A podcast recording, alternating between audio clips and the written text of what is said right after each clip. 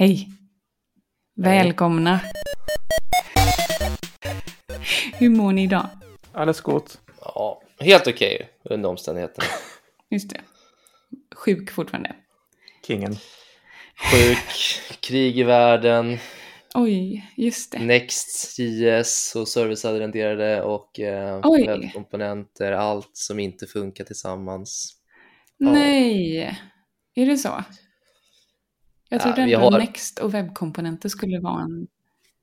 Ja, nej, det var en sanning med modifikation jag, jag kände för att basha lite webbkomponenter. Men det, vi kör faktiskt inte ens webbkomponenter. Men eh, jag har suttit... Alltså det har varit en sån resa i hopp och förtvivlans värld den senaste veckan. Vi, vi har Next, vi kör ett, ett komponentbibliotek som är liksom centraliserat eh, och de här två lirar inte överhuvudtaget med varandra. Mm. Och så har jag suttit nu en och en halv dag och så råkar jag slänga en blänkare såklart i en Teams-chatt och inser att jaha, det är inte bara jag som har problem med det här.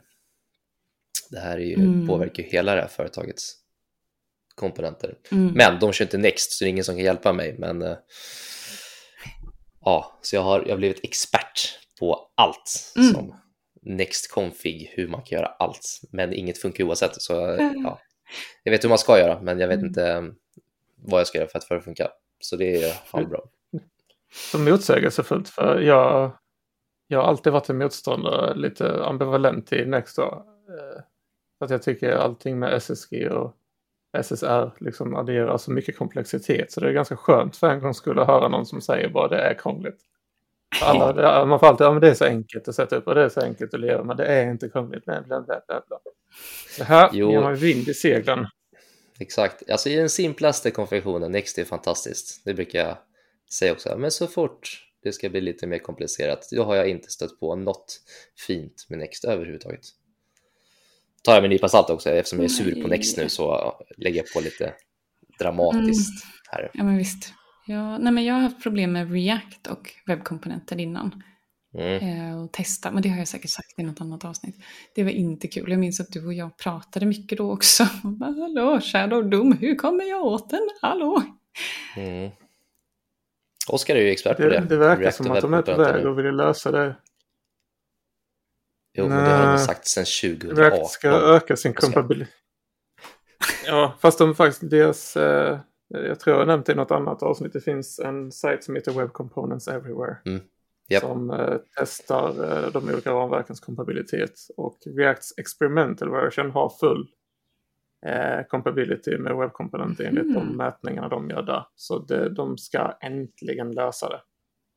Oh. Ja. Snyggt. Och sen verkar Cypress också jobba på att eh, lösa, integrera att man ska skriva tester direkt mot Shadow DOM också.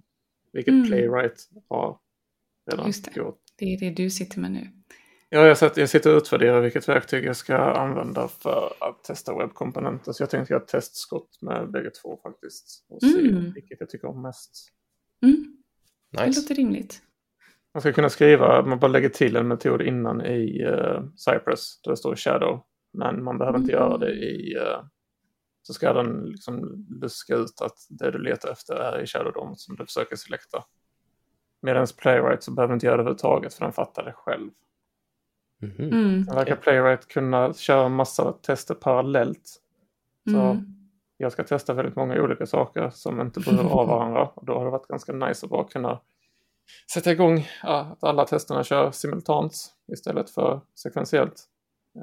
Kul. Se. Mm. jag lutar lite åt Playwright bara på kravspecifikationen och kompatibiliteten med ramverken faktiskt. Jag har aldrig kört Playwright. Nej, inte jag heller. Jag pratade med en kandidat om, om det under en intervju. Att det var intressant att se Playwright. Jag hade liksom inte hört talas om det förrän jag läste det där. Jag har ju varit borta en sväng. Eh, men han sa då att, eh, nej men att det var, när man får problem med Playwright så är det svårare att lösa dem liksom för att eh, communityt inte är lika stort. Och att i och med att det inte är lika använt än så har de kanske inte upptäckt alla sina problem. Typ. Eh, En, en stor grej var att när du installerar Cypress så får du en filstruktur och liksom så här gör du. Så här sätter du upp Mm. det. Medan Playwright installerar du bara och sen så off you go, Mm. lycka till. Eh, Så att man, eh, Så den, en enkel summering av det var väl att Cypress är lite schysstare i början. Om Mm. man inte kan dem sen innan. Mm. Ja, Jag minns bara att jag tyckte att Cypress var väldigt lätt att skriva och sätta sig in i. Liksom. Ehm, Och det ger så mycket, alltså att ha end-to-end-tester plus eh, integrationstester, liksom, att de kan jobba hand i hand. Men Mm. att eh, det är svårare tycker jag att eh, få, få koll på att skriva Cypress-testerna för att man måste nästan göra det i slutet. Jag, vi har ju pratat om detta innan men jag skriver mest testdrivet liksom, för att se till att testerna faktiskt finns. Eh, och också för att jag tycker att det är jävligt mycket roligare att skriva tester på det sättet. Eh, jag tycker det är Mm. svårare att skriva Cypress-tester innan saker kör. Mm. Innan man har någonting. För det, ibland är det ju man ska väl kanske inte gå på test-id och sådär om man ska skriva best practice-tester men ja, det känns som att det är mer beroende av domen liksom. Men jag kommer inte riktigt ihåg. Man kan ju skriva en massa if this then that i Cypress och sen så får de fejla tills man har uppfyllt dem. Ja men visst, alltså man, det går säkert. Det bara känns krångligare. Kanske är något jag ska testa. Eh, innan vi börjar prata så måste vi nämna att Andreas har döpt sig själv till Kingen i eh, det, i det podcastverktyget vi använder. Så det står Oscar och Sara och sen står det Kingen. Varför, Mm. varför har du gjort det Andreas? Jag kände mig på sånt humör idag. Eh, Att jag ville Ångrar identifieras det som nu? kingen. Har du blivit exponerad? Det är mina pronom, tänker jag. Det är kingen. Kan Så det, vara så... oj, oj, oj, oj, oj. Det är ändå Du måste 2023. uppdatera LinkedIn också. Mm. Nej, Jag skulle säga att du kanske ville bli upplyft i och med att du har haft de här eh, jobbiga problemen, varit lite sur och känna att ja men jag är åtminstone kingen. ja, nej, men det, det, det är väl nog det. När liksom- Podcastkungen. Exakt, har varit sjuk och suttit med... Jag vet inte hur många gånger jag skrivit om en Nextconf den senaste veckan. Alltså det, det går inte att räkna. Oh, fan vad trist. Löser inte ChatGPT det? Alltså, med sin data från 2021. Jo, men det funkar inte som det står i dokumentationen, så jag vet inte riktigt vad... Och det är inte något med Next. Alltså Next, som sagt, nu låter det som att jag hatar Next. Eh, Det här har vi gått igenom massa gånger. Jag hatar inte Next, men just i det här fallet så är det extremt frustrerande att ha Next. Mm. Nu ska jag sluta prata om Next. Nej, Tack. Det är inte lätt. När det, det, men det, det är okej. Det är okej. Vi finns här för dig, kingen. Ja, tack, Mm. tack. Ja, det här kommer bli ett roligt avsnitt. Eh, men eh, ska vi dra igång avsnittet då? Ja.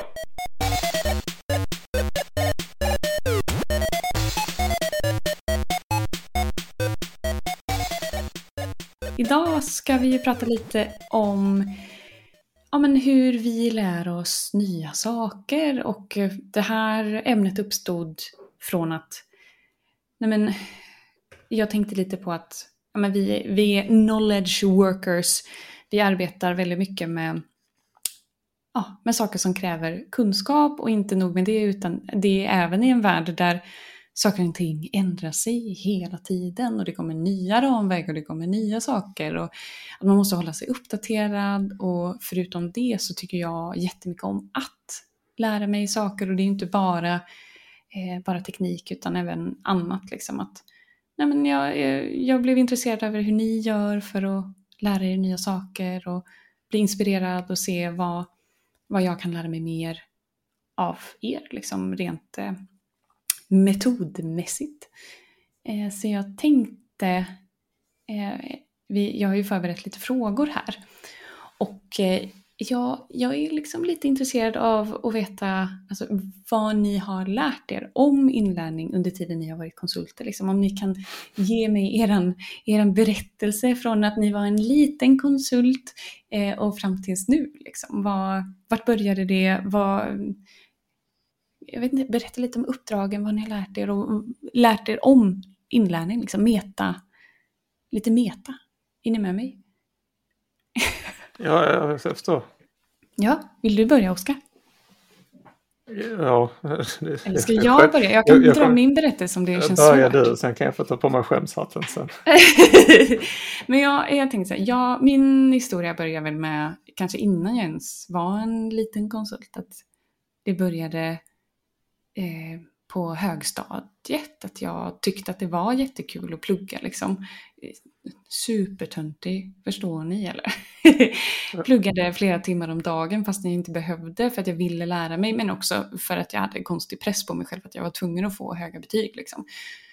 Eh, men sen gick över till gymnasiet, eh, valde då en linje där jag inte behövde plugga lika mycket för att jag kanske tog det ett steg för långt så som jag, ni känner ju mig, jag kan ta saker ett steg för långt. Eh, och sen, eh, ja, sen blev det att jag pluggade på högskola, pluggade webbdesign och där kanske det var lite mer, eh, vad ska man säga, normala nivåer av plugg. Men så kommer man ju ut i arbetslivet och eh, på mitt första riktiga uppdrag, eller vad man ska säga, så lärde man ju sig otroligt mycket i och med att jag kom ut på ett uppdrag där, eh, där det var React. Jag har bara typ jobbat med React och eh, jag hade en jättefin mentor där som lärde mig otroligt mycket. Men så blev det så här, eh, till slut så kände jag att jag utvecklades inte lika fort då blev jag så här, men hur kan jag lära mig mer? Och så blir det ju det här som ni också känner till, att man ska balansera det man gör på jobbet med eh, fritiden. Och då hade man ju ingen, ingen familj på samma sätt som jag har nu då med sambo och barn. Eh, men då blev det ju att man... Men jag försökte... Jag blev lite inspirerad av att bara här, öva på programmering utan att nödvändigtvis behöva tänka mycket mer på annat. Så då började jag liksom bara, jag hörde om någon annan som, eh, eh oh, det var något koncept som de kallade för typ eh, copying the masters eller någonting sånt där och hur folk som till exempel ville öva på att måla eh, bara hittade en tavla som de gillade och så bara målade de av den och försökte komma så nära som möjligt så då, då fick de liksom en feedbackmekanism eh, för att de kunde liksom på något sätt säga ja men min tavla blev lik eller inte och varför. Så då försökte jag bara hitta spännande webbsidor eller så här, tänkte på det när jag var ute på webben ändå. Och så bara, Åh, den här saken såg spännande ut eller den här slideshowen, den har jag inte gjort. Åh, då skulle jag kunna få öva lite på CSS-animationer eller sådär. Och så gjorde jag det. Um, väldigt så här, små grejer som jag tyckte var, var roligt. Uh, men även att försöka, man, man har ju alltid idéer. Eh, och det var en del så här, projekt man gjorde med sina lagkamrater. Typ. Eh, på det här första uppdraget som jag hade så var det också så här, vi, vi samlade på citat från varandra. Och så ville vi visa upp det på någon skärm. Så då skulle vi göra, alltså det var ju en så otroligt simpel grej. Um, det var lite roligt. Så det gjorde vi tillsammans på, alltså typ på after work. Eh, men vad hände sen? Sen blev det ju liksom... sen kanske det inte, alltså efter det uppdraget så kanske vi inte haft lika stor gemenskap och det har blivit mer att man har gjort själv och då kanske det har blivit mer gå kurser. Eh, men jag känner att man lär sig inte riktigt lika mycket på liksom, även om det finns övningar och så i kurserna på till exempel Frontend Masters så tar det emot att göra dem. Ehm, och jag har väl kanske mer gått mot att okej, okay, men jag försöker samla på mig vad det är för nyheter som kommer ut, alltså med nyhetsbrev och sådär. Jag har försökt Twitter, men alltså jag går sönder av Twitter. Det är för mycket information. Jag har slutat uh, exakt samma anledning. Jag blir stressad ja. av Twitter. för det, det här måste du kunna, det här måste du kunna, det här måste du kunna. Ja. Så jag bara abort, ta bort Twitter. Nej, alltså, av någon anledning så följer jag ju massa andra saker där också. Och så vill jag helt plötsligt nu sadla om att den bara ska handla om utveckling. Och ja, alltså vad ska jag starta en ny? Men det kan jag inte göra. Eller ja, jag vet inte. Jag hade också en blogg ett tag. För att jag tänkte att om jag har en blogg så blir jag tvingad nästan till att, eh, till att samla information och eh, processera det och skriva om det, men det var ju ingen som läste min blogg. Eh, tänk om det finns ute, nej, tänk om alla ska söka efter min blogg nu. Då kommer ni hitta något inlägg om någon jävla smart, smart kylskåp tror jag. Eh, Men eh, det Det är ett jag... ont mönster sa du. Nästan är det självförakt. Skapa en blogg för att du ska bli tvungen att lära dig saker. Är det, är det självförakt? Jag tänker att det är disciplin, liksom. Att man försöker disciplinera sig själv. Eh, för man känner sig själv så pass bra. Nej, jag vet inte. Ehm, och sen... Eh, ja. Jag har haft svårt för att liksom få in det där... Att man vill lära sig nya saker och få in det på jobbet. Visst, man kan ju kanske... Eh, vad ska man säga? Nej, till exempel Next har vi provat på jobbet för att både jag och en kollega hade hört talas om det och vi ville prova det liksom. Eh, och det var ett, i ett experimenterande team så vi kunde, ja, vi fick lov att slänga det vi gjorde om, om det skulle gå åt helvete. Så så kan man ju göra. Men jag har ju andra saker, typ Elm, som jag velat lära mig. Eh, Men dels så känns det som att det finns inte så mycket, många uppdrag med Elm. Och då blir det också inte lika kul att lära sig. Men ja. Agila processer har man ju lärt sig på jobbet och läst dem och applicerat. Det är ju mycket enklare kan jag tycka än programmeringsspecifika saker. Att bli, att, ja, jag läser mycket, det vet ni ju. Jag får ju inte dra bokreferenser längre. Nej, du är bannad från det tyvärr. Ja, nej det går inte. Då får Det jag mest sluta vara med på podden. det. Ja, det är inte snällt. Ja. Jag ska bara prata i referenser nu. Har quotes hela tiden. One-liners. Ja. Ja, men tror inte, tror inte att det handlar om, som du är inne på, att i början så testar man extremt mycket egentligen tekniker för man tycker teknik är intressant men man Mm. har inte så bra koll på egentligen vad tekniken löser för problem. Sen blir man mer intresserad av, desto mer man lär sig, blir man mer intresserad av problemet i sig och inser att ja, Mm. i de flesta fallen så är det inte teknik som löser problemet. Ehm, så brukar jag känna i alla fall att förut så, ja, men, vi alla är ju frontänder här, att sitta och med nya frontramverk, det var superkul för fem år sedan. Nu är inte det jätteroligt längre tycker jag. Det, det är inte så himla mycket nytt som kommer för webben som är så revolutionerande som förut. eh, tycker jag. Nej, jag tycker det har stagnerat lite. Sen, nu kommer det lite roligare saker framöver, men det är inte på samma sätt, tycker jag. Eh, Mm. Så min inlärning är mer kring problemlösningen numera än att bara liksom den där hungern efter ny teknik som fanns förut. Nej, men jag kan nog känna igen mig i att eh, alltså jag har ju lärt mig mycket runt omkring teknik också. Det är ju därför vi sitter och, och pratar om eh, metainlärning egentligen och även förra avsnittet med eh, the big five och alltså teamdynamik och hur man pratar med varandra på ett effektivt sätt, hur jobbar man tillsammans, agila processer och allt sånt där. Liksom. Och det är ju enklare att läsa om och sen applicera liksom, på, på jobbet jämfört med om man vill lära sig typ då ett nytt programmeringsspråk som man inte får göra på jobbet. Eh, då blir det ju en högre tröskel liksom, att lära sig det, tycker jag. Mm. Hur ser din inlärningsresa ut, Oskar? Jag är en, en, ja, en primat. Alltså jag gillar att göra saker. Ja. Eh, Jag läser ganska mycket eh, nästan ovedkommande artiklar liksom om teknik. Eh, Varje dag sitter jag på Hack News Mm. och så öppnar jag de länkarna som är mest clickbaitiga och så tyvärr på Hack News för min del då så eh, när man kommit halvvägs in i de här väldigt långa vetenskapliga artiklarna ofta så tycker Mm. jag språket blir lite för vetenskapligt och då börjar jag googla på nyckelorden istället kring det de, eh, kring det de eh, benämner. Eh, och så brukar jag, så hittar jag någon mänskligare mediumartikel efter det. Och sen, eh, så det är väl så jag får ny som nya saker och med YouTube-kanaler. Fireship Mm. är perfekt för mig. Det är max fem minuters videos som Fireship. jag vet, Ja, jag det är tror det är Mattias om. som har tipsat från början om Fireship. Men Mm. Nu har han till och med han effektiviseras så mycket så han skriver in manus på det han ska läsa. Sen så har han haft ett AI till att analysera sin röst. Eh, Så han slipper lägga tid på att spela in och klippa sin röst. Eh, Hjälp. Så han, eh, och så är det bara kort koncist, typ det här har hänt sedan förra veckan. Han, han hade något avsnitt för ett tag sedan där han gick igenom alla coola nya features som har släppt i webbläsarna. Mm. Så, perfekt fem minuter, sen var det fyra, fem grejer som jag antecknade och googlade på efteråt själv. Mm. Uh, jag tycker det är en så stor del liksom, att bara hålla sig uppdaterad med ungefär vad har hänt. Mm. Så att man sen när man stöter på problem kan läsa mer om det.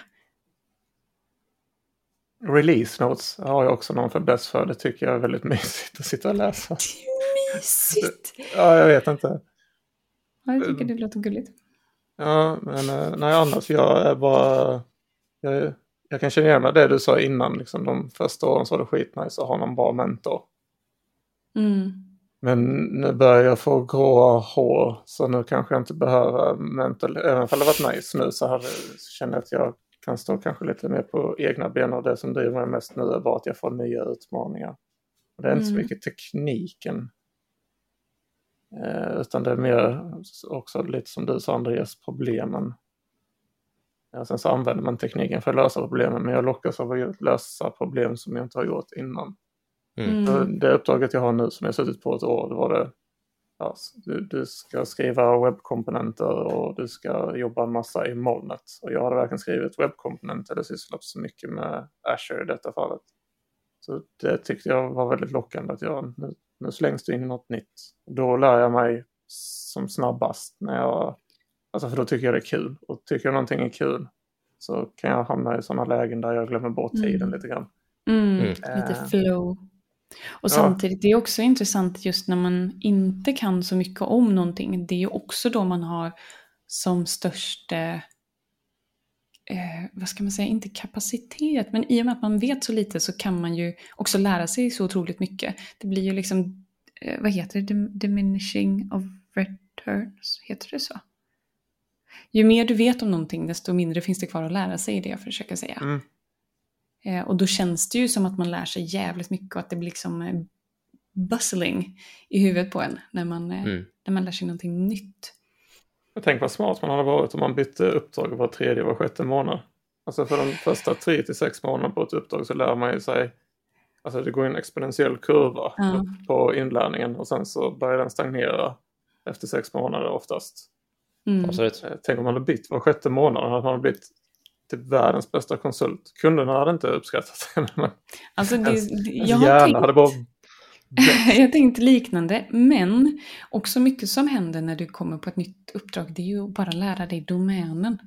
Mm. Det är ju inte bara teknik och eh, kul saker, höll jag på att säga, men domänen kan ju absolut vara kul att lära sig, men jag känner ju själv att man blir ju inte effektiv riktigt förrän efter 6-9 månader på ett ställe.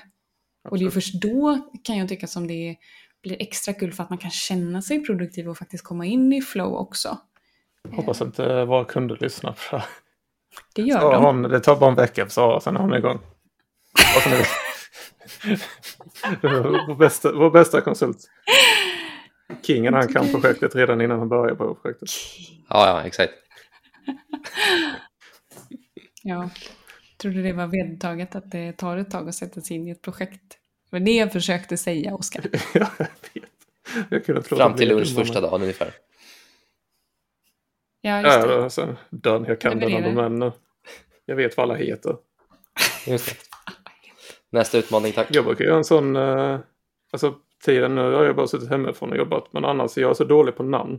Ansikten är jag bra på, men jag brukar jag göra upp en sån här karta över kontorslandskapet där jag skriver namnet på var alla sitter. Eh, det var jättejobbigt när folk bytte plats. Nej, men glömde du namnen då? Ja, absolut. Jag, tänkte... jag är jättedålig på namn. Namnblind skulle man kunna... Namn och datumblind. Jag kommer inte ihåg några datum. Eh, Oj. Det är därför det är jättejobbigt med kingen här nu då. Ja, nu han du kan inte läsa vad han heter. Nej. Exakt, vem är han? Ditt efternamn Andreas, hade jag, det, det tog mig ett år att komma ihåg det. Oj! Inget ont om dig, men det är någonting med Jangerfall.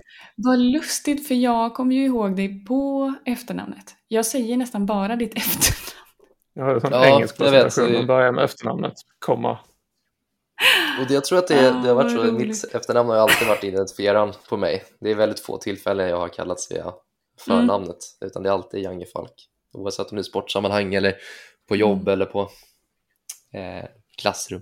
I Och klassrum. det är oavsett hur många Andreos, Andre, Andreasar, hur säger man det? Eh, ja, Det det, går nog inte att böja i plural, tänker jag. Men eh, eh, absolut, det spelar ingen roll om det är jag är ensam eller om det är tre stycken i rummet. Det, det är nästan alltid mitt efternamn. Mm. Det ställer till det. med namn också. För på mitt uppdrag så har de, sån, där har de en sån presentation av namnen i Teams där man skriver efternamnet först. Och sen Mm. så har vi människor från precis hela jordklotet som har typ så här dubbel efternamn och dubbel förnamn som täcker liksom hela raden så det blir så punkt, punkt, punkt. Ellipsis. Mm. Jag vet aldrig vad folk heter. Alltså jag, jag vet inte ens vilk- hur, hur ska jag benämna dig? jag vet inte. Hello, sir. Hello. Eh, Hello, Hello, you. you. Hello Och det är you. extra förvirrande också, typ, ehm, min sambo heter ju Kent i efternamn. Ja, det ställer till då det för folk. plats på det? Ja, och också i och med att han heter Raul i förnamn så blir det också väldigt... Nu outar jag min eh, stackars sambo Skitbra eh, namn. Raul Kent. Ja, ja, Nu ska jag börja kalla honom Kent numera. ja, han gillar det jättemycket. Du kommer få absolut många svar Bra. om du säger Kent. Eh, men också i svensk skola liksom så är det ju ingen som... Då tror man ju att de heter Kent och inte Raul, tydligen. Mm. I alla fall när Raul gick i skolan. Ehm, Men eh, det var en liten, det var första avstickaren för idag. Det är Eh, bra. Men jag tänker också, alltså lite det här med metainlärningstänket att vad är era processer, vad har ni lärt er på vägen, vad gör ni? Alltså vi har pratat om att idag kanske man fokuserar mer på problem än själva tekniken. Jag själv känner ju att jag, jag vill nog lära mig mer om teknik också, eller bli ännu duktigare på själva tekniken och försöker hitta hur jag gör det på ett smidigt sätt. Och, eh, jag har hint hint wink wink en, en sak som jag vill prata om senare idag. Eh, men vi behöver inte ta det nu, det blir en, det blir en liten cliffhanger. Ehm, men har ni liksom... Nu blir det en jättelång fråga. Gör den längre jag, jag ska göra den ännu längre med en summering. Eh, som är, vad är era bästa metainlärningstips? Jag vet inte riktigt vad mina metainlärningstips är, men jag kan i alla fall dra några tips som jag har. Alltså oavsett vilket projekt jag hamnar i nu så kan jag ta väldigt mycket hjälp och falla tillbaka på saker jag har byggt i hobbyprojekt. Så jättemycket saker Mm. eh, kan, jag, kan jag relatera till utmaningar som jag stött på i hobbyprojekt så kan jag liksom, "Ah, ja men det här har jag löst i de här hobbyprojekten så jag vet hur jag löser dem i riktiga projekt. Eh, och ibland kan jag bli förvånad över hur ofta det inträffar faktiskt. Eh, Mm. så jag vet inte om det är ett metatips, men det är i alla fall ett tips, eller tips för att, att ta till sig väldigt mycket kunskap i programmeringsvärld. Eh, jag brukar tänka på så att Mm. den kunskapen du inte får på uppdraget, lägg in, lägg in det i ett hobbyprojekt. Sen måste man ju liksom definiera vad man, vad man vill ha för liksom, kunskap, men Mm. eh, jag brukar tänka så i alla fall, så att de, ett hobbyprojekt kompletterar ett, ett riktigt projekt. Mm. Kan du ge exempel på hur de ser ut, de här pro- hobbyprojekten? Ja, alltså ibland är det, jag brukar ju prata med Mattias om det där rätt mycket. Vi har ju, tror jag, diskuterat det i den här podden förut också, att det, det, finns en skillnad på hobbyprojekt. Um, antingen så gör man hobbyprojekt för att lära sig någonting, eller så ska du göra ett hobbyprojekt för att det ska, vara, det ska hjälpa dig att bli mer produktiv på något sätt. Alltså det skapar, skapar värde. Så i vissa fall kan det bara vara att labba Mm. med ny teknik som bara läggs ner när du Mm. har labbat klart. Eller så bygger du någon Mm. Någonting. Skulle kunna vara en liten app som du faktiskt kan använda till vardags. Mm. Eh, så, och där kompletterar de varandra, tycker jag. Eh, ny tekniklabbande är ju bara, tycker jag, omvärldsbevakning. Liksom, kolla hur ny teknik fungerar.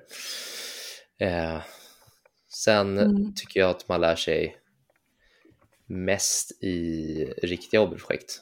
Ehm, och det kan ju vara... Ja, jag försöker tänka på vad för hobbyprojekt jag har suttit med Senast? Jo, jag, jag tycker att jag har varit väldigt dålig på tillgänglighet till exempel. Um, jag har inte suttit i Mm. jättemånga liksom, sådana projekt där det behövs tillgänglighet, för jag har suttit mest på insidan i interna applikationer på senaste åren. Um, men när jag tog ett uppdrag på... Ja, exakt, accessibility. Får Ehm. för svenska, det- jag känner mig vilsen igen. Ja, jag vill inte vara så international Ja, som er som slänger med engelska och svenska termer, så jag tar allt på svenska. Ehm, Du vet, Det är bra. Exakt.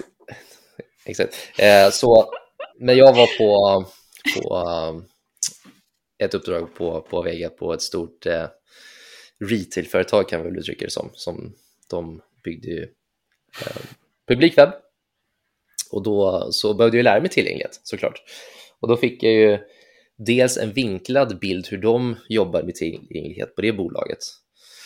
För att liksom, ja, ja men så här jobbar vi med tillgänglighet, så här är det som vi, som, eh, som vi kräver att hur man verifierar och testar sina applikationer. Men jag tyckte fortfarande efter det, liksom, så här, ja, men vad har jag lärt mig egentligen? Jag har lärt mig hur det här företaget jobbar med tillgänglighet, men jag vill bli bättre, jag vill sätta grunden för tillgänglighet. Um, så då gjorde jag Mm. faktiskt ett hobbyprojekt som jag fortfarande håller på med och det är ju faktiskt ett, ett komponentbibliotek för att liksom lära mig hur liksom, ja, men riktig HTML, hur faktiskt HTML blir tillgänglig i grunden. Nice. Um, och då kunde jag slänga in lite andra tekniker som jag också var intresserad av där. Men det, det är ett hobbyprojekt som har lärt och givit mig mycket. Och det är bara liksom en ren... eh, så här, ja, det, Mm. jag hade kunnat använda som jag vill bygga interna, eller interna, om jag vill bygga riktiga applikationer sen så kan jag det komponentbiblioteket. Men främst nu är det för att lära mig tillgänglighet. Ja. Mm. Och hur kom du på att det var just ett komponentbibliotek du ville bygga för att öva på detta? Det kom jag på för oftast i de uppdrag jag har befunnit mig i så finns det alltid komponentbibliotek som man ska använda för att bygga upp sina webbapplikationer. Det är inte jätteofta man får freestyla och bygga komponenterna själva numera, tycker jag. Och då, Mm. då insåg jag, okej, men då kanske det är en sån utmaning jag ska ta mig an. Jag har byggt väldigt mycket komponentbibliotek, men jag har byggt väldigt få tillgängliga komponentbibliotek. Mm. Och därför var det en så utmaning. Jag vet att jag bygger komponentbibliotek, jag vet hur jag strukturerar det på ett bra sätt, testning och allt sånt vet jag redan. Men tillgänglighet har jag noll koll på. Mm. Jag vet grunderna liksom, men jag vet Mm. inte hur man faktiskt bygger tillgängliga komponentbibliotek. Så därför var det en utmaning för mig då att ta mig an. Mm. det är också någonting jag har snöat in, eller som jag verkligen vill lära mig. För jag sitter också och bygger komponentbibliotek som man Mm. gör typ var tredje månad som frontenutvecklare. Japp. Eh, och jag har snöat in helt på accessibility.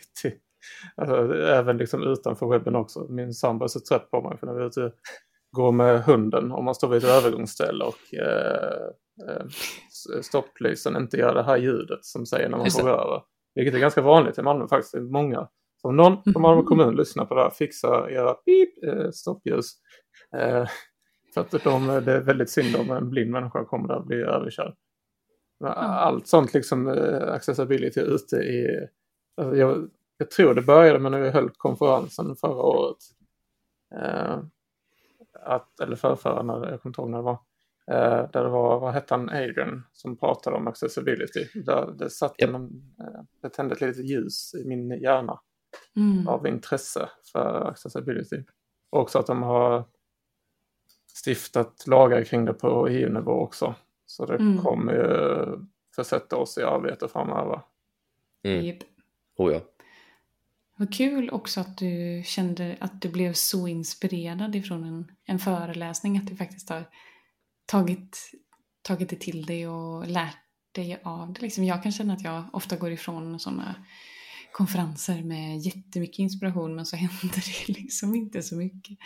Jag blir faktiskt oftast inte så inspirerad av konferenser.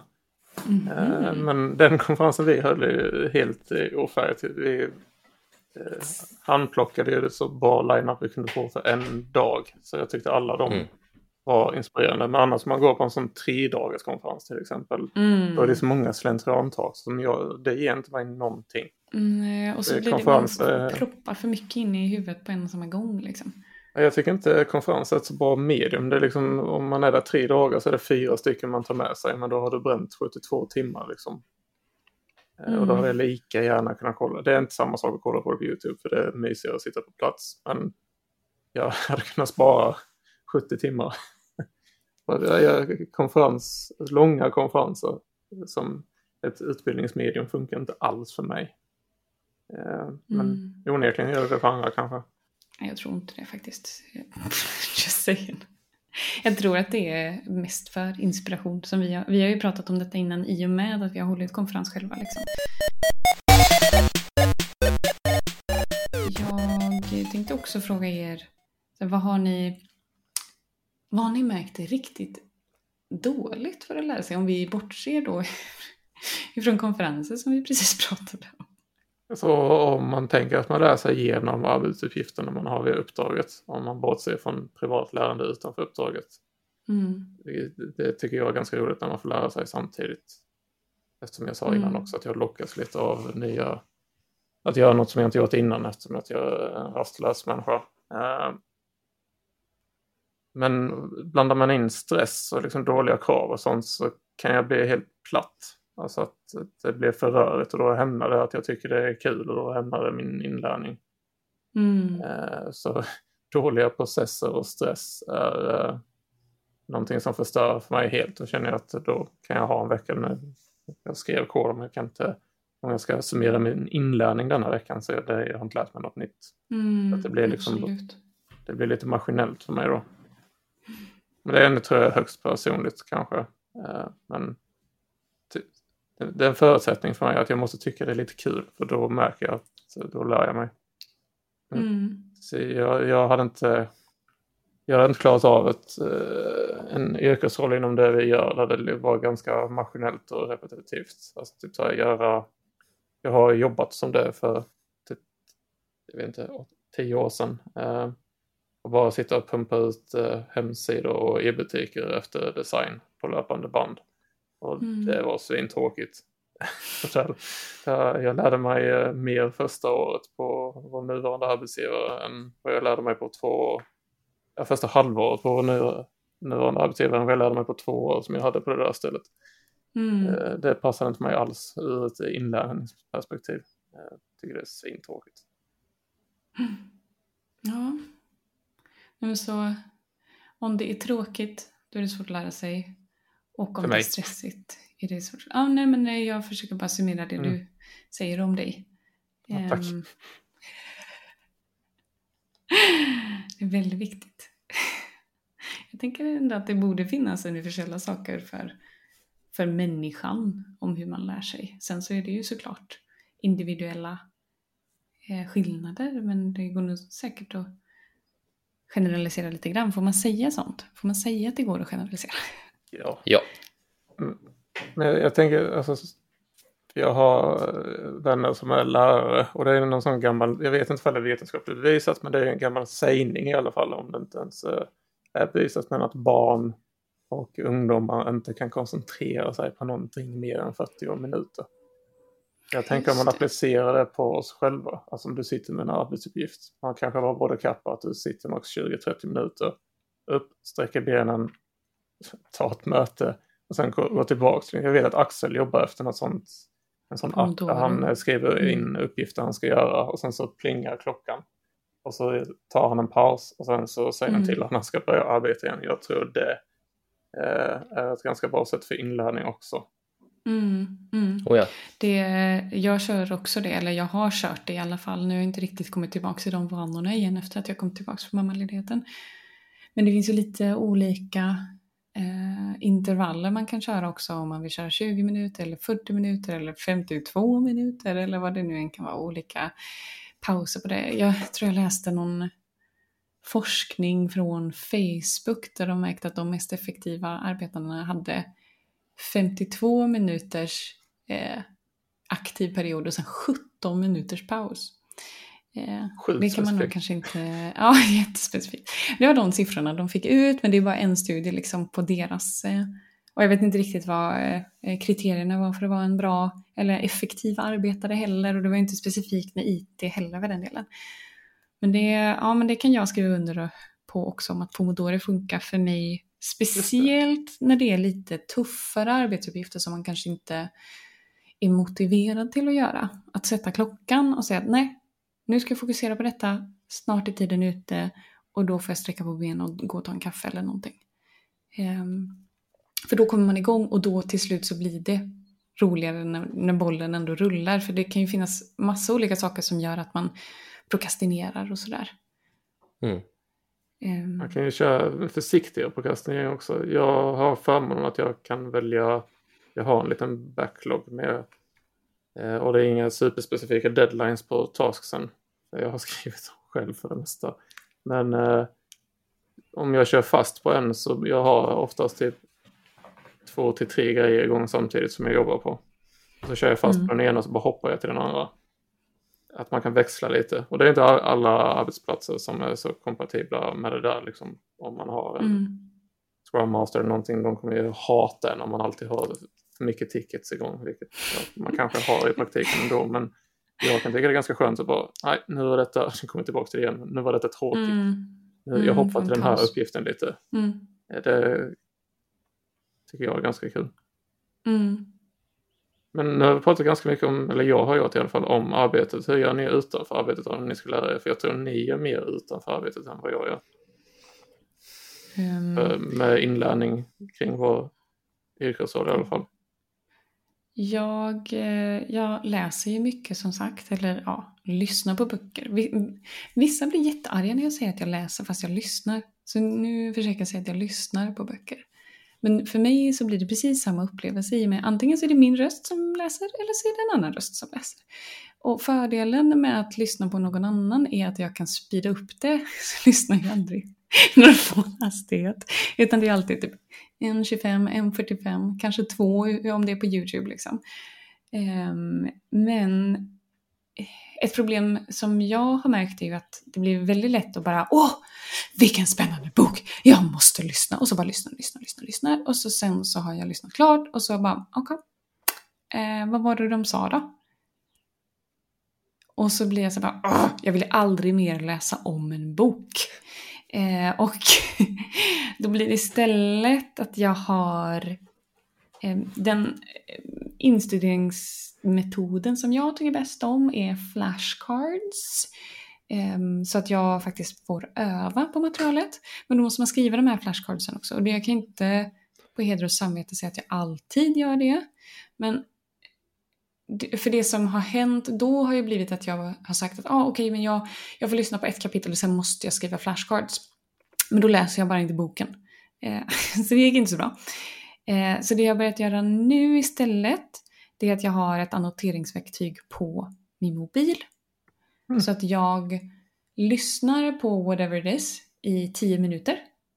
Och sen försöker summera det som jag har hört för mig själv. Så att det inte blir att jag hela tiden, varenda sak som sägs ska ner i mitt anteckningsblock. Liksom, utan det blir eh, ändå mina egna ord. För det är ett sätt liksom, att lära sig att processera. Försöka förklara det någon annan sagt. För då märker du vart dina kunskapsgap är. Eh, och då kan man välja att gå tillbaka och antingen läsa eller lyssna om på den delen som man kanske inte kunde förklara. Men sen i vissa fall så är det så att åh, det är en punktlista och jag skulle vilja komma ihåg den här punktlistan.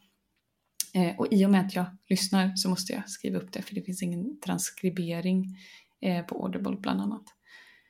Jag tycker man Eh, får och säga lyssna, eller läsa, även om man lyssnar. Det är en sån bladvända det inte räknas som att läsa bara för att man lyssnar på boken. Va, va, säger du att det är så eller säger du att vissa Nej, jag tycker man får säga läsa trots att man lyssnar på boken. Ja, vad bra, vad bra. Eh, då säger jag det, för det känns verkligen som, som samma grej. Men eh, nu håller jag på att läsa en bok som heter Ultra Learning. Och den är superintressant. och det är verkligen så här meta kring självlärd, självlärande inlärning. Eh, Självstyrd inlärning var det jag försökte säga. Mm.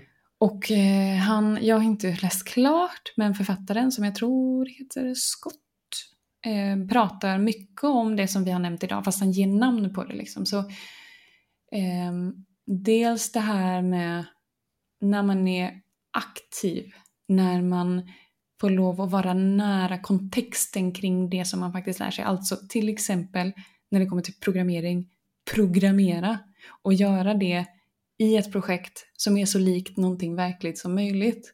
Det är så du lär dig, det är så du tar kunskap och för över det till där det behöver vara. Och han pratar även om, vilket jag tyckte var väldigt spännande, att i skolan idag så är det väldigt mycket fokus på passiv inlärning och på eh, men, att man simplifierar saker så mycket så att det ska vara lätt att förstå.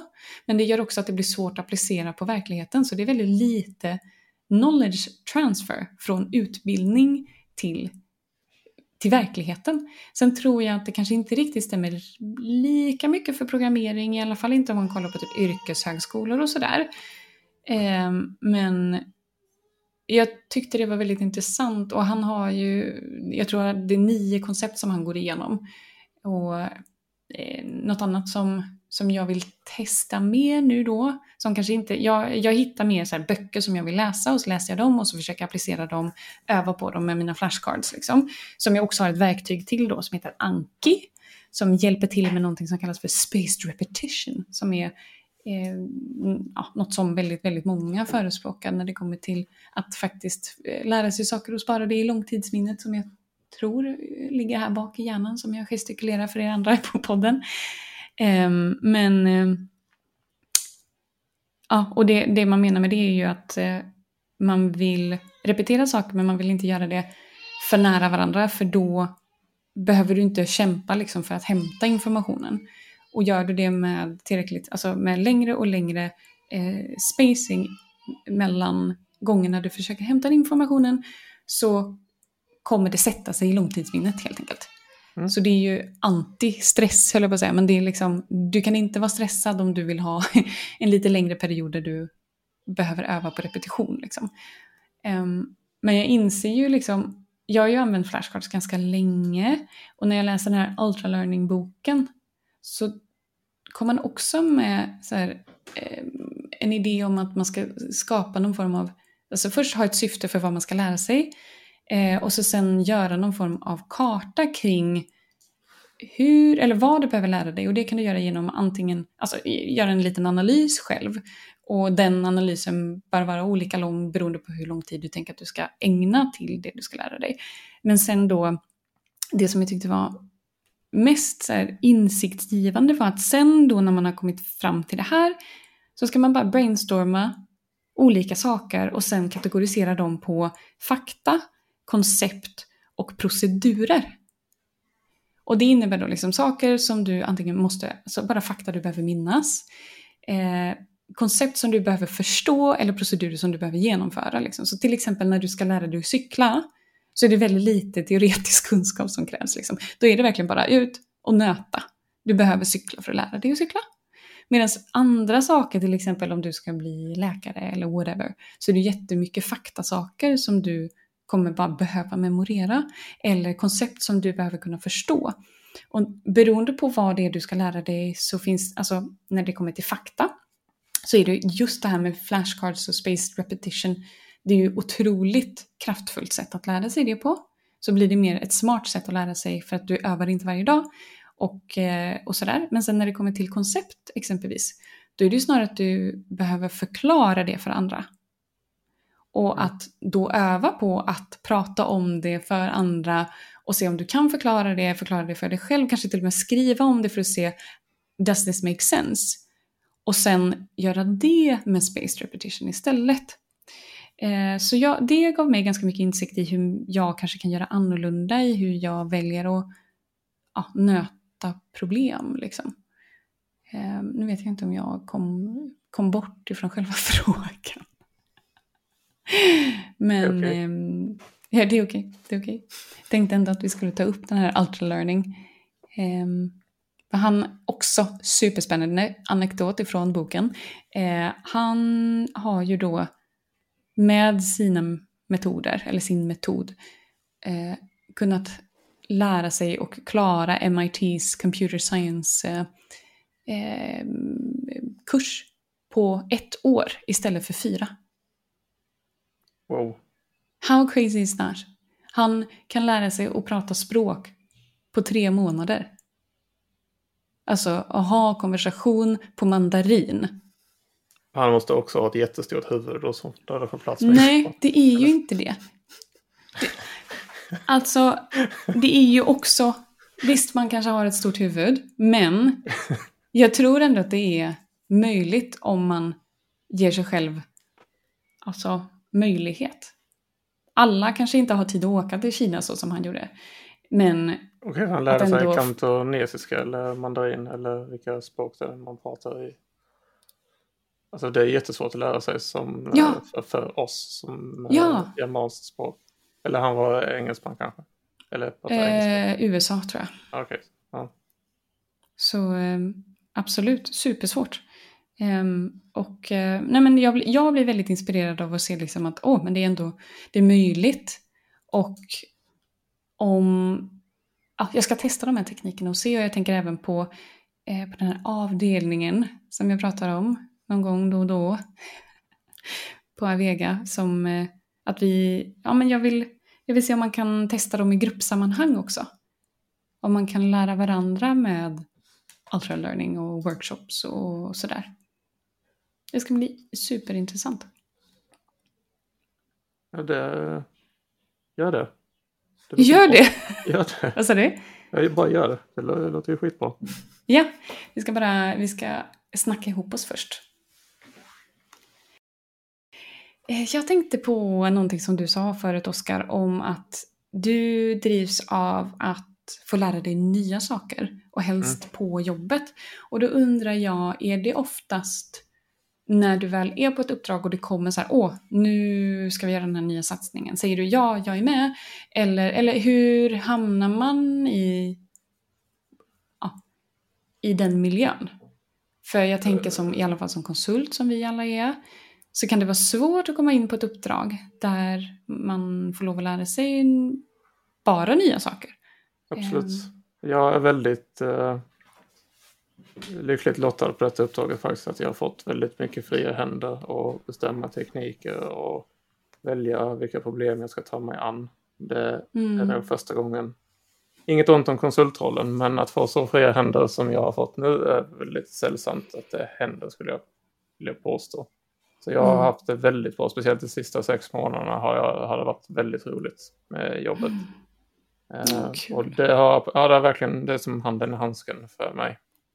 Eh, jag var inte så sugen på att hoppa in i ett team om jag ska vara helt ärlig på att bara skriva features från en backlog. Jag ville ha, Mm. jag ville mer vara med i hela kedjan och göra någonting nytt. Så det har så mycket som jag lärt mig de sista sex månaderna, det var länge sedan jag gjorde. Och då har jag ändå Mm. varit då var jag ändå förbi de första sex månaderna på uppdragen för jag har varit ett år drygt nu. Eh, Mm. Nej, så det blev en liten ny renässans mitt i uppdraget. Då jag fick väldigt fria händer. Och det, det är bara till att supa in det nu för att ingenting varar för evigt. Eh, men Mm, eh, just nu så tycker jag det är väldigt kul jobbet. Mm. Det, men det är sant det du säger att man får faktiskt eh, vara tacksam för vad man har för man vet inte vad som kommer sen. Eller så här, det är någonting som jag har fått lära mig väldigt, väldigt mycket nu som nybliven eh, förälder. Att eh, ja, men i början, har jag sagt detta innan? Det känns som jag har sagt detta innan. I vilket fall, i början så sov Ossian jätteväl. Han sov liksom åtta timmar, en hel natt. Och det var så bra. Och sen så slutar han göra det. Och det är så frustrerande. Och det är samma sak att han, ja men ena dagen så babblar han på. Och så sen så slutar han och man bara, ja du, is this a regression? Vad händer? Varför pratar du inte längre? Men det är ju så liksom, det går ju upp och ner och fram och tillbaks liksom. Inte kontinuerligt åt ett håll. Så ja, Det nu... Eh, han har parafrasera fortfarande- Erik Hassle lite. Man vet inte vad man har förrän man blir av med det. Ja, lite så. Fast på Ja. engelska i hans låtar. Var det en Ja, det är lökig referens? Det var en ganska lökig referens. Eller... Jag kan stå för det. Ja. Jag kan stå Ja. för den lökiga Jag referensen. hörde inte vad du sa så jag, eh, jag eh, suddade. Ja. Men, eh, Jag suddar. Ett härskars, härskarskratt också det där. Verkligen onda häxskrattet liksom. Fan. Ja. Men hur har det sett ut för dig, eh, Kingen, eller Andreas eh, eh Jangefalk, på, på eh, uppdrag och när det kommer till inlärning och få prova nya tekniker? Liksom, har du eh, lyckats få göra det eller har det varit mer göra saker du redan kan? Ja, men de senaste... Shit, tänker... Um, men näst, majoriteten av alla fall alla uppdrag på min tid på VG har ju varit att jag, jag har ju fått sån roll att jag ska komma in och antingen bygga något helt nytt eller lyfta mm. teknikstackar och då liksom modernisera techstackar eh, och då har ju min roll varit att ta liksom vägval eh, och påverka liksom vilka, vilka tekniker och hur man ska bygga saker. Så jag har ju också varit väldigt lyckligt lottad på det sättet. Um, sen har ju några projekt där liksom, ja, jag kommit in mm. i, i projekt som, där produkten har funnits x antal år och i viss, viss mån så är det egentligen bara bygga på och förvalta. Men det kommer alltid, på något sätt så kommer det alltid tider i ett projekt där det faktiskt finns stora lyft att göra. Jag sitter i ett sådant projekt nu där, där egentligen produkten har funnits väldigt länge, men och de hade fort, alltså fortsatt kunnat förvalta det egentligen och bara bygga på, bygga på, bygga på. Men här tycker jag att utvecklarna och ledarna har varit så, så noga med att nej, men det vi har nu funkar inte jättebra. Nu måste vi faktiskt ta mm. de här större skoptagen och eh, göra om. Vi har ju ett avsnitt i den här podden som heter mm. CV-driven utveckling och det brukar jag tänka på väldigt mycket. Ja, exakt det jag satt och tänkte på. när, jag kommer in, när jag kommer in och får sån, sånt ansvar och egentligen får påverka mycket tänker jag mer och mer på att nej, men gör in, ta inte de här besluten som gynnar dig själv nu. Eh, ta besluten som, mm. som gynnar liksom, företaget. Alltså, det finns jättemycket beslut som man hade kunnat ta som åh, jag får jobba med de här teknikerna, jag får det här, det kommer boosta mitt CV, det kommer boosta min karriär framåt. Men å andra sidan så kommer inte det boosta kunden för fem öre.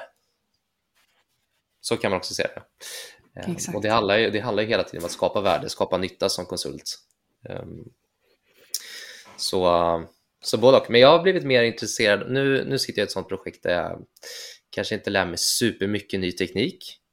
Men jag får mm. å andra sidan vara med och, och förändra en hel techstack och bygga liksom bra saker, bygga bakkod, mm. jag får påverka teamet, jag får liksom coacha.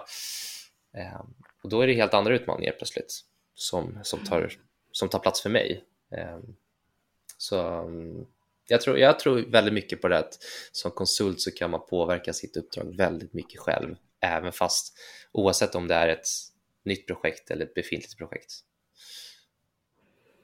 Mm. Ja, jag tänker så länge man har någon utmaning som är relevant för dit man vill. Absolut. Och sen så kanske man har andra utmaningar som inte är så kul. Och sen så kanske man har vissa saker som ja, bara inte uppfylls av uppdraget.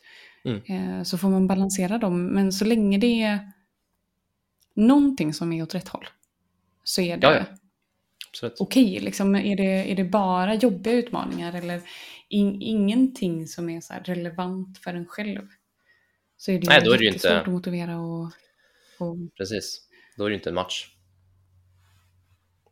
Nej. Mm. Men det kan som en sidnot, där kan jag jag kan ibland bli lite allergisk när vi, oavsett om man är konsult, anställd eller medarbetare, liksom, när vi sitter ute på uppdrag och så sitter vi och snackar om, om projekt som att det vore det roligaste vi alltid ska göra. Det är liksom rolighetsfaktorn som är det absolut viktigaste i projektet. Och på ett sätt är det ju det. Men det kan inte, vi kan inte liksom ha det mindsetet som i vårt fall alltså konsulter att, att om inte vi får göra det absolut roligaste hela tiden mm. så är liksom det inget att ha. För vi, vi är ju hos kunden för att lyfta kunden och liksom skapa värde där. Sen håller jag med Oskar, alltså jag mm. håller med dig helt om att mm. det, måste fin alltså det måste vara roligt, för det är då man gör bra jobb. Men jag träffar jättemånga personer som har just den där CV-drivna mindsetet och att det måste vara det roligaste de gör hela tiden, för annars går de utanför dörren. Mm. Um, ja, det, det finns ju inte heller. Det är väl Nej, det som exakt. är problemet. Och det, det tycker jag är problematiskt. Det är ju ändå ett jobb vi ska göra och ett jobb har aldrig varit eh, lika med tecken med att det ska vara roligt. Tyvärr är det ju lite i det temat tyvärr är det ju lite så att uh, utvecklare kan vara lite kräsna för det är högre efterfrågan på utvecklare än vad det finns tillgängliga Absolut. utvecklare. Absolut. Eh, Så DX-faktorn, alltså Jag developer vet inte riktigt hur det ser ut just nu dock. På Ja, marknaden. kanske eh, det kan vara Speciellt när det kommer till konsulter. Det kan vara kört för oss eh, med ChatGPT också som frontutvecklare så vi måste Ja, hitta något annat. eh, eh, Men eh, i, regel så har det varit hög efterfrågan på utvecklare. Så man, man kan ju, alltså, Absolut.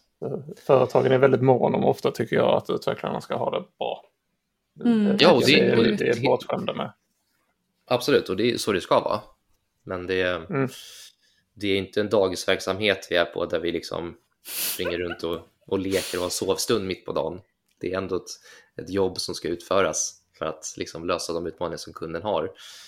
Sen är det såklart att jag tror att det är ett mindset att man, det går att hitta roliga saker i, i alla utmaningar. Lite så. Mm. Jag gör tråkiga Ja. saker också. Jag vill bara poängtera det. Eh, Ibland måste man vara uh, vuxen, men i aspekten med inlärning så Ja. var det liksom roliga saker, då lär jag mig mer. Men eh, Mm. Sen kan jag tycka liksom att ibland blir man förvånad över eh, de här tråkiga sakerna. Eller som man trodde skulle vara supertråkiga. Mm. Mm. Och så visar det sig att åh, det här var ju jätte... Eller kanske...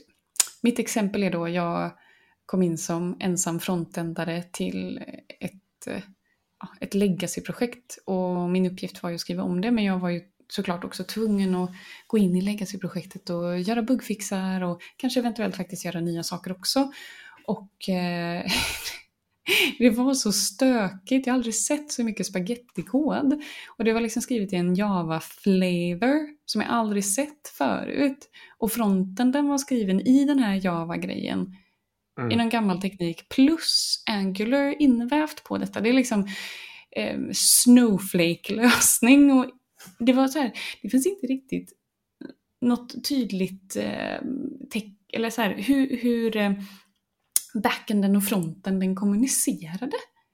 Och så skulle jag göra fronten-grejer, men jag behövde använda en funktion. Så då var jag tvungen att skriva det i någon controller liksom. Men jag bara, men hur får jag funktionen att köra i fronten-filen?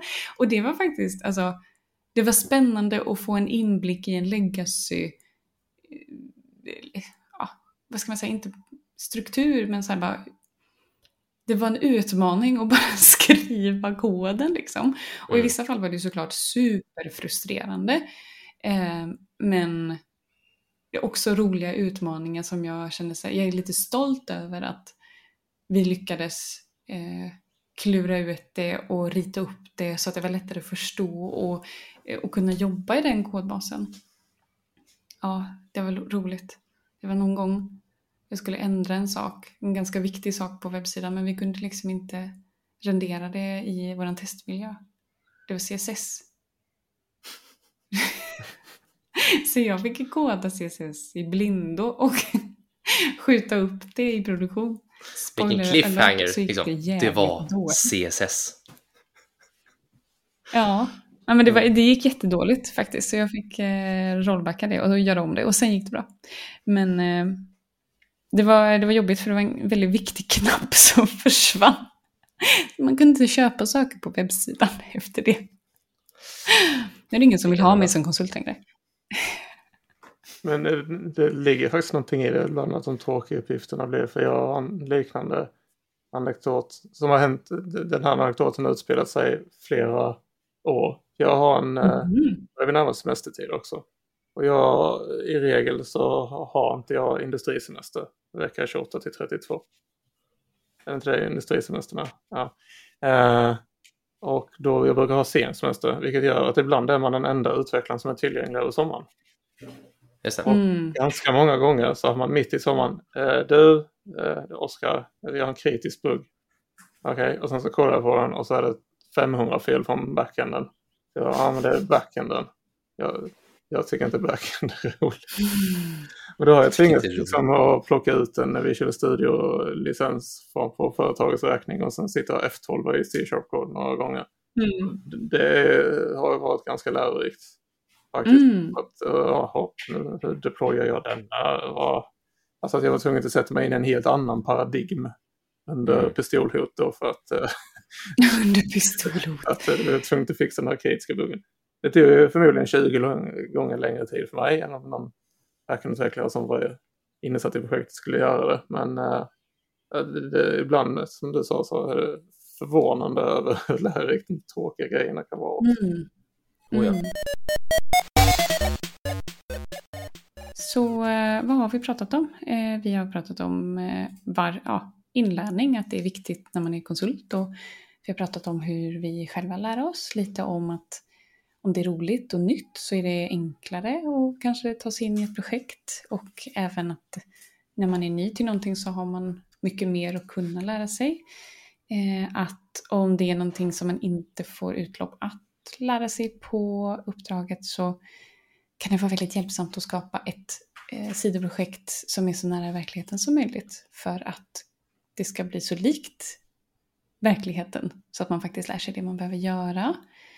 Vi har även pratat om några koncept från ultralearning och eh, bland annat eh, olika typer av kunskap som man tar in, typ som eh, fakta, eh, koncept och procedurer och att man kan plugga dem på olika sätt.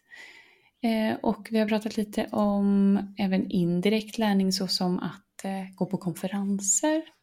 Och nu i slutet pratade vi ju även om eh, att även tråkiga saker kan vara förvånansvärt spännande när man väl tar sig an den utmaningen. Jo. Nu så. Har ni något veckans tips? Ja, det har jag. För du, du var ju så smart och skrev det innan, annars hade jag absolut jag, jag tycker vi ska lägga in det som en eh, praxis att eh, någon eh, innan avsnitten spelas in skriver glöm inte Gör veckans en tips. liten eh, slackbot. Ja, de, ja, okej, det kanske blir lite jobbigt. Men eh, det, det var bra i alla fall att jag gjorde det, för jag tänkte lite i inlärningens tecken. Mm. Och, och får jag börja då eftersom jag stal micken här Ja. totalt? Ja, bra. Ja.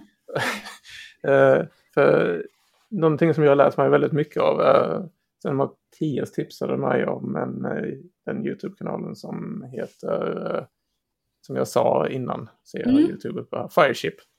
Och genom Fireship så hittade jag till slut Hyperplex också. Jag vet inte om det var Mattias som tipsade om den. Men de två YouTube-kanalerna har ganska korta sammanfattande alltså, nyheter på webben. Google jag har släppt en massa nya features. De här nya Mm. featurerna kommer på webben. Google har sagt upp de här tjänsterna.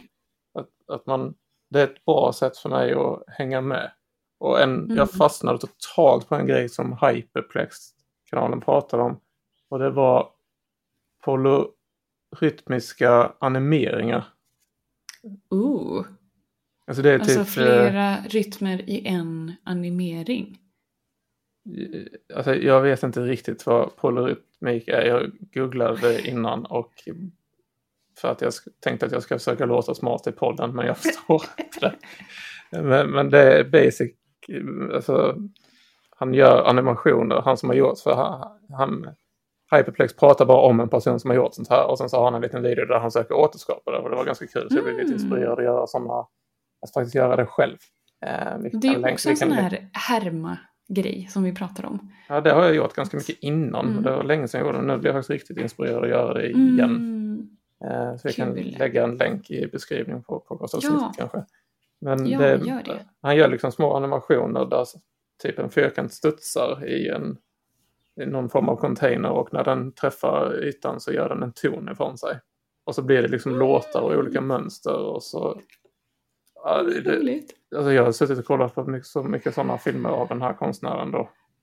Oj! Det blir, jag, jag får en sån form av tunnelseende på skärmen med lurarna. Och så liksom Han bara, i trans. är lite transmässigt. Så nu jag ska faktiskt, tänkte jag ska prova att göra sådana med Canvas istället. För jag har gjort ganska mycket så här. Ett tag så gjorde jag typ massa coola CSS-animationer och sånt. Och tyckte det var ganska kul. Mm. Alltså något helt eh, oanvändbart men kul att göra. Att man blandar in lite matematik i eh, CSS. Eh, så det är mitt tips. Hyperplex och Fireship och sen de här polyrytmiska eh, animationerna som det heter eh, Project GDM. Det kan vi också länka i avsnittet. Ja. Länkar. Om, man vill, om man vill få trans på internet så ska man kolla på Project GDM. Mm. Nice. Vad har eh, kingen för eh, veckans tips? ja, ja, jag var ju jag var ju ledig här för en vecka sedan. Jag var utomlands i Kroatien och då behövde jag, jag som inte är en ligga still på en solstolkille, det är inte min grej riktigt för jag blir för rastlös. Men eh, jag behövde göra det ju. Så eh, då såg jag faktiskt till att läsa en bok under ett parasoll. Så jag, jag har inte läst ut den, men eh, oftast tar det rätt lång tid för mig att läsa en bok för att jag gillar att reflektera rätt mycket. Jag kan inte bara läsa, sträckläsa en bok. Jag måste mm. få reflektera, måste få tänka, måste sådär. Och till skillnad från Axel som inte är med här som sa att Nej, men jag läser inte sådana tråkiga böcker som du och Sara som bara är självledarskap och ja, sådär. Sånt som jag och Sara tycker är kul. Um, men jag har börjat läsa en bok som heter The Personal MBA. Och för de som inte vet vad en MBA är så är det en, en, en utbildning för att uh, lära sig egentligen hur man driver företag som har liksom, eh, varit standard i branschen under många år, men som kostar väldigt mycket pengar.